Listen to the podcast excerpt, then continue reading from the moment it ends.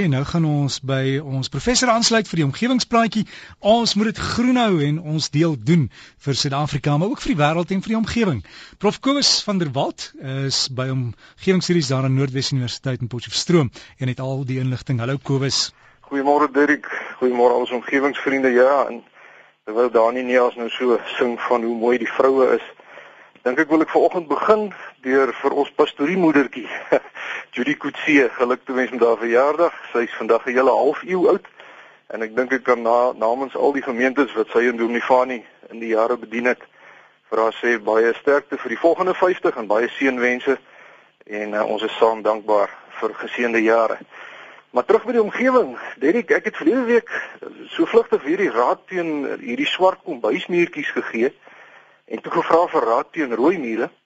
En in reaksie daarop het ek 'n hele paar briewe ontvang en baie dankie daarvoor. Eerstens het Anneke Anneke de Kok van Stellenbosch vir my geskryf en my eintlik so 'n bietjie geterg oor my onkunde oor mure. Sy sê sy het by die departement bosbou en by die WNR navorsing oor mure gedoen wat veral gerig was op die invloed van die Argentynse muur op die inheemse mure in die fynbos en ook hoe mense nou muurspesies kan gebruik om vas te stel of die rehabilitasie van oopgroefmyne suksesvol was al dan nie.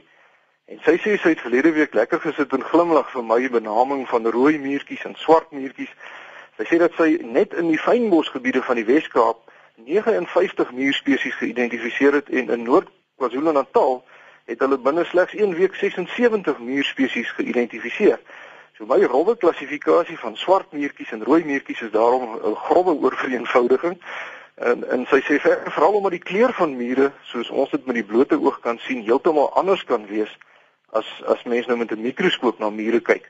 So baie dankie Anneke vir daardie inligting en ek lê my graag met 'n groot glimlag neer vir jou meerdere kennis oor die saak. Ek ken maar net swart kombuismure en rooi mure en nog so 'n paar ander soorte wat in die Karoo rondloop. En ek weet hulle het 'n plek en 'n funksie in die ekostelsel en dat mense hulle nou nie so muur moet uitroei nie. En daarom onderskryf ek jou raad volkome en dit is dat die afweer van mure met byvoorbeeld iets soos verdunde citronella olie soms beter werk as om gif uit te sit. Mevrou de Kok sê sy is uit beginsel teen enige gif gekant, maar dit lyk my 'n paar van ons ander omgewingsvriende is uit beginsel teen enige mure in hulle huise of in hulle kombuise gekant.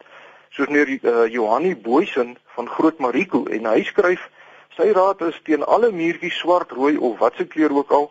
Hy sê mense moet 500 gram boraks met wassoda of gewone koeksoda uh, afweeg 500 gram van elk en dit dan goed meng en dit strooi mens dan nou buite op die grond onder die vensters of deure waar muurtjies in toue opklouter. Hy sê mens moet dit ook op die vensterbanke strooi en daar laat bly en ook binne teen die mure en vloer lysplankies waar die mure nou indring. Hy sê die muurtjies eet te lekker aan die koeksoda en dra die gif dan in die nes in sodat die hele nes mettertyd vrek. Hy noem sy muurgif die geluidlose Hiroshima en Nagasaki muurbom. so baie dankie meneer Boysen van Mariko vir daardie raad. En 'n paar ander omgewingsvriende het dieselfde tipe raad gegee.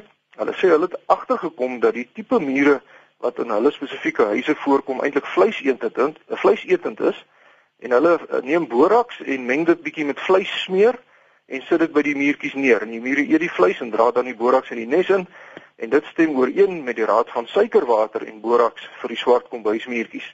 Ander luisteraars het gebel of geskryf 'n hele paar uh, van ons uh, vriende wat rook, hulle is rokers en hulle neem die stompies en gooi dit dan in 'n bakkie met water en laat dit loog vir 'n paar dae en hulle sê daai nikotienwater verjaag enige muur sommer vinnig.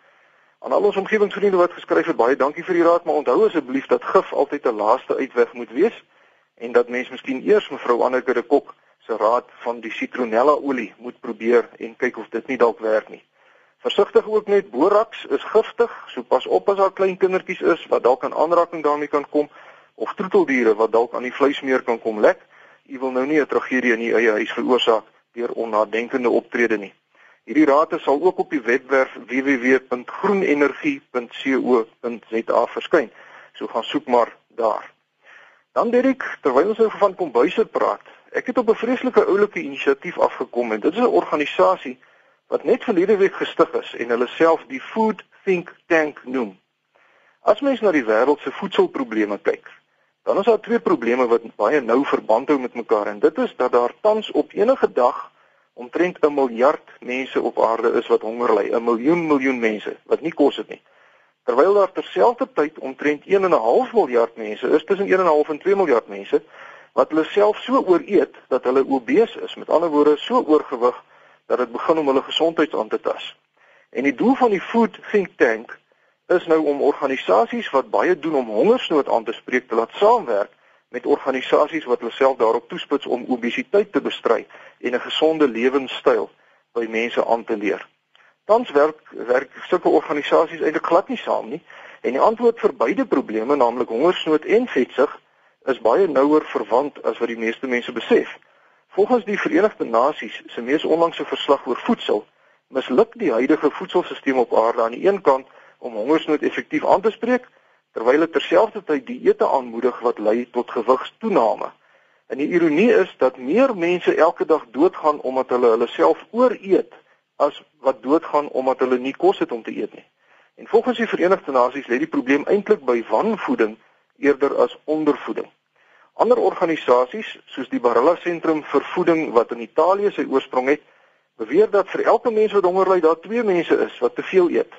En die Barilla Sentrum het 'n boek gepubliseer met die titel Eating Planet en daarin lig hulle die ironie uit dat die wêreld se landbou tans die produktiefste en effektiefste tyd ooit beleef, maar dat 'n derde van die wêreld se mense of honger is of oorgewig is. Omtrent 1 uit elke 3 mense op aarde ly aan een of ander mikronutriëntgebrek en hierdie organisasies glo dat as mens die hele voedselstelsel van die aarde op 'n meer holistiese wyse bestuur, baie van ons probleme op 'n eenvoudige wyse opgelos kan word. Dit sluit natuurlik voedsel in wat verlore gaan, maar daar word ook berig dat 'n derde van alle voedsel wat geproduseer word op aarde eenvoudig verlore gaan en weggegooi word. Die antwoord wat uh, vir hierdie probleem is daarom geleë in stelseldenke waar 'n mens net soveel aandag gee aan leefstylveranderinge as aan nuwe landboutegnieke of nuwe gewasse of nuwe bemestingstowwe of nuwe geneties gemodifiseerde gewasse en dat mense terselfdertyd ook net soveel aandag skenk aan die verspreidingslyne en die logistiek en die preservering en berging van voedsel sodat vermorsing minder word. En nog 'n boek wat ek gesien het met die titel Stuffed and Starved, skryf die uh, skryf die outeur Raj Patel dat hongersnood en oorgewig simptome is van presies dieselfde probleem en dat die oplossing vir hierdie probleem terselfdertyd die die oplossing is vir die huidige epidemies van diabetes en hartsiektes op aarde as ook 'n klomp omgewingsprobleme soos die meer effektiewe gebruik van water in die landbousektor. Ellen, Gustafson, een van die stigterslede van die Food Think Tank, sê dat alle uh, sê dat die voedselindustrie die afgelope 30 jaar veral gekonsentreer het op wyse oor hoe om meer en beter voedsel te proses, uh, te produseer. En hierdie enkele feit het beide hongersnood en vetsug veroorsaak. En die Food Think Tank, ekskuus, daar knoop my tong nou sleg. Die Food Think Tank vra nou alle mense op aarde om met voorstelle vorendag te kom om hierdie probleem aan te spreek.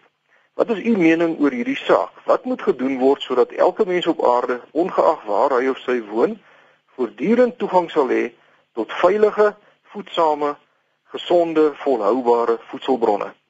Indien u idees hier, hieroor het, kan u dit gerus op die webwerf van die Food Think Tank gaan neerskryf. Soek maar net na Food Think Tank op die internet en dan klik u op contact us en dan kan u u idees aan die ideebestuurder van hierdie food think tank stuur. Ek dink dis 'n uitstekende inisiatief en as u idees daaroor het, stuur dit gerus vir die mense. En dan omgewingsvriende sluit ek graag af met 'n vraag van mevrou Ronel van Loggerenberg wat skryf dat sy nou nie 'n goeie reisiger is nie. En sy wonder net wanneer die dag sal kom dat sy gefaks sal kan word, soos sy dit stel van punt A na punt B. Sy wil in 'n soort van 'n kapsule klim. Die kode moet ingepons word en dan moet sy verdwyn by punt A en dan weer verskyn by punt B.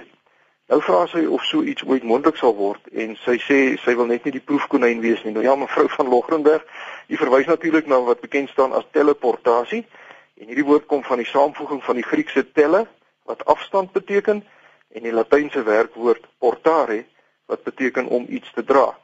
Dan is dit natuurlik suiwer wetenskapsfiksie wat mense in rolprente en TV-reekse sien waar iemand op 'n apparaat gaan staan in 'n kamer iewers in die niet verdwyn en op 'n ander plek dan weer uit die niet uit verskyn. Die idee is dat die apparaat 'n voorwerp of 'n liggaam analiseer op die een plek en die inligting dan stuur na 'n ander plek toe waar die voorwerp of die liggaam dan weer gekonstrueer word. Maar die probleem is dat die aanvanklike voorwerp of liggaam heeltemal vernietig word in die proses. So mense sal letterlik moet sterf in die ruimteskip en dan weer geskep moet word op die planeet as jy daarheen geteleporteer word. Indien die rekenaar tegnologie ooit so ver vorder wat ek betwyfel, sit mense natuurlik nog steeds met die probleem oor hoe om jou siel en jou wese te transporteer want die mens wat jy is is die som totaal van elke iets wat jy in jou lewe waargeneem het elke reuk elke geluid elke smaak elke ding wat jy gesien het elke ding wat jy gedink het en elke emosie wat jy ooit beleef het met ander woorde die som totaal van al jou ervarings van jou hele lewe ek kan met die huidige kennis en tegnologie aan geen wyse dink waarop al daardie inligting vasgevang oorgestuur en weer sinvol aan mekaar gesit kan word op 'n ander plek nie Maar wie weet, miskien is dit die manier hoe ons agterkleinkinders se agterkleinkinders dalk eendag gaan reis. Ons ons weet nie daar gebeur elke dag goed wat vir ons na wonderwerke lyk. Hierdie daarmee sluit ek af. Uh, baie dankie vir al die omgewingsvriende se vriendelike briewe en deelname. Ek waardeer dit opreg. En as u ook vir my wil skryf, is u baie welkom. My rekenaaradres is kobus.vanderwalt@nwu.ac.za en my posadres is die fakulteit Natuurwetenskappe Noordwes Universiteit, Potchefstroom 2520. Groetnis tot 'n volgende keer. Dankie Kobus, nou sal jy jou teleporteer na 'n plek toe en jy kom daar en sê hulle ons kan nie jou lisensie het verval of jou Windows is outdated. ja, ja, en dan dan sit hulle jou nie weer mekaar nie, jy moet eers die lisensie geld betaal. dan, dan ja, dan dryf jy maar daar in die kuberruim rond vir ewig. Kobus, goed ja, gaan. Ja, nee, dit sal nie lekker wees nie. So gesels ons met Kobus van der Walt, daai e-posadres vir as jy wil kontak maak is kobus.vanderwalt by nwu www.ac.za